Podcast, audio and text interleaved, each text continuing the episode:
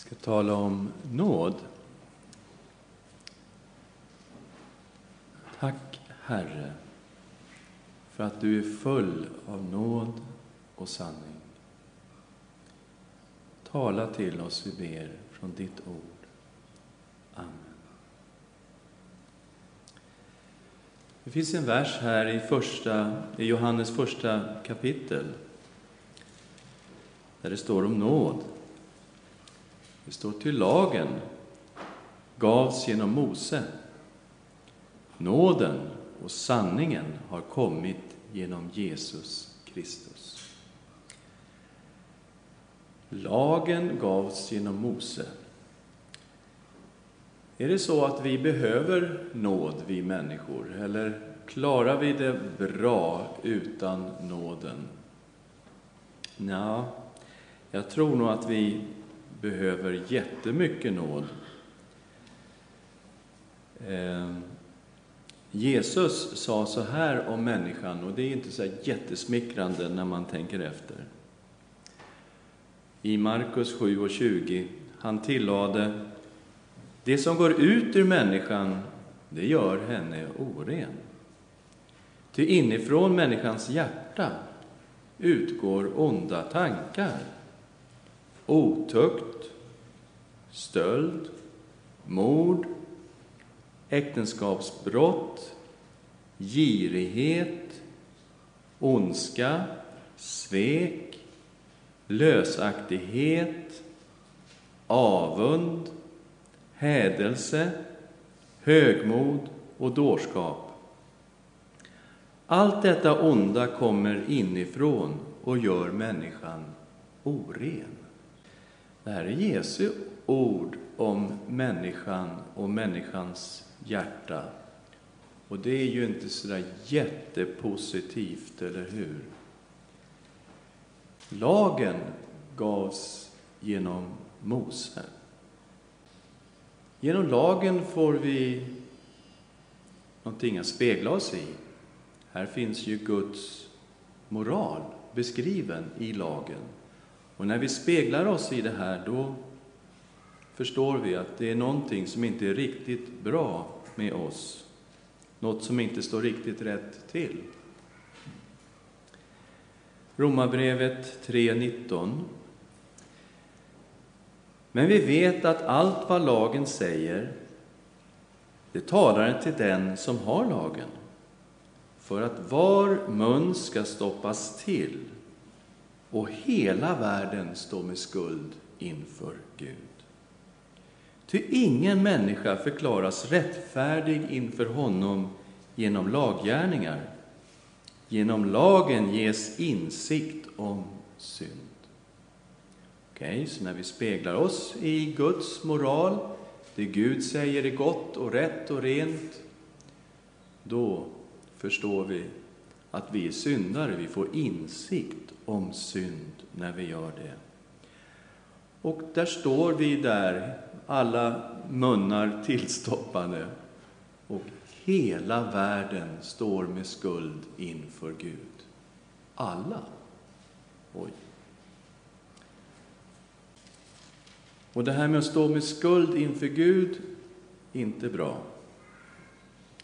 Det är, ingen, det är ingenting att hoppas på, eller det är ingenting att stå efter. Det är inte något bra alltså, att stå med skuld inför Gud. Romare 2 och 12. Alla som har syndat utan lagen kommer också att bli förtappade utan lagen. Och alla som har syndat under lagen kommer att fördömas av lagen. Oj då.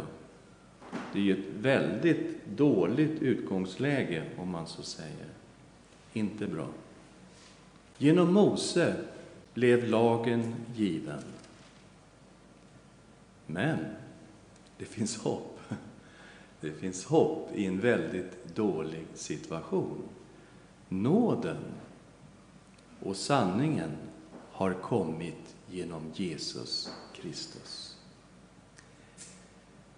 Står om Jesus i vers 14. Ordet blev kött och bodde bland oss, och vi såg hans härlighet en härlighet som den enfödde har av Fadern, och han var full av nåd och sanning. När Gud kom till världen och blev människa, uppenbarade sig i Jesus, då kom han inte som en domare. Trots att vi står där, så att säga, väldigt skyldiga allihopa, så kom han inte som en domare. Utan det står om honom att han var full av nåd och sanning. Och hur full av nåd var Jesus? Vad räckte det till? Flödade över? 16 versen. Av hans fullhet har vi alla fått nåd och åter nåd. Det finns så mycket nåd hos Jesus så att det liksom är fullt och det flödar över och det räcker för alla. Nåd och åter nåd. Nåd, det är någonting som Gud ger människor, men vi förtjänar det inte. Förtjänar det inte. Det är nåd, och Jesus är full av nåd och sanning. Och det flödar över, det är en fullhet som vi får nåd och åter nåd ifrån. Romarbrevet 3.23, vi känner till den väldigt väl. Alla har syndat och saknar härligheten från Gud. Okej, okay så är det för mig, dig, alla. 24, mycket viktig. Och det står som rättfärdiga utan att ha förtjänat det av hans nåd därför att Kristus Jesus har friköpt dem. Det här är nåd. Utan att vi har förtjänat det förklaras människan rättfärdig Därför att Jesus Kristus har friköpt människan. Behövde vi friköpas på något sätt? Ja, Jesus sa, den som gör synd är slav under synden. Har du prövat att befria dig från det oket? Har du sagt, okej, okay, efter ska jag aldrig, aldrig mer göra något fel. Jag ska bara göra rätt, rätt, rätt resten av mitt liv. Har du prövat att klara den? gick inte, va? Var en som gör synd, sa Jesus, är slav under synden. Men det finns en som har friköpt, betalat, betalat ett jättehögt pris, sitt eget liv. Jesus Kristus gav sitt liv och friköpte dig och mig. Och där står vi, rättfärdiga inför Gud, förlåtna, renade i Jesu blod av bara nåd. Det är stort. Ska vi be tillsammans? Tack, Herre, att den gränslösa nåden som du är full av, den gäller också mig. Tack för ditt blod som renar mig från all synd. Tack för den fulla försoningen.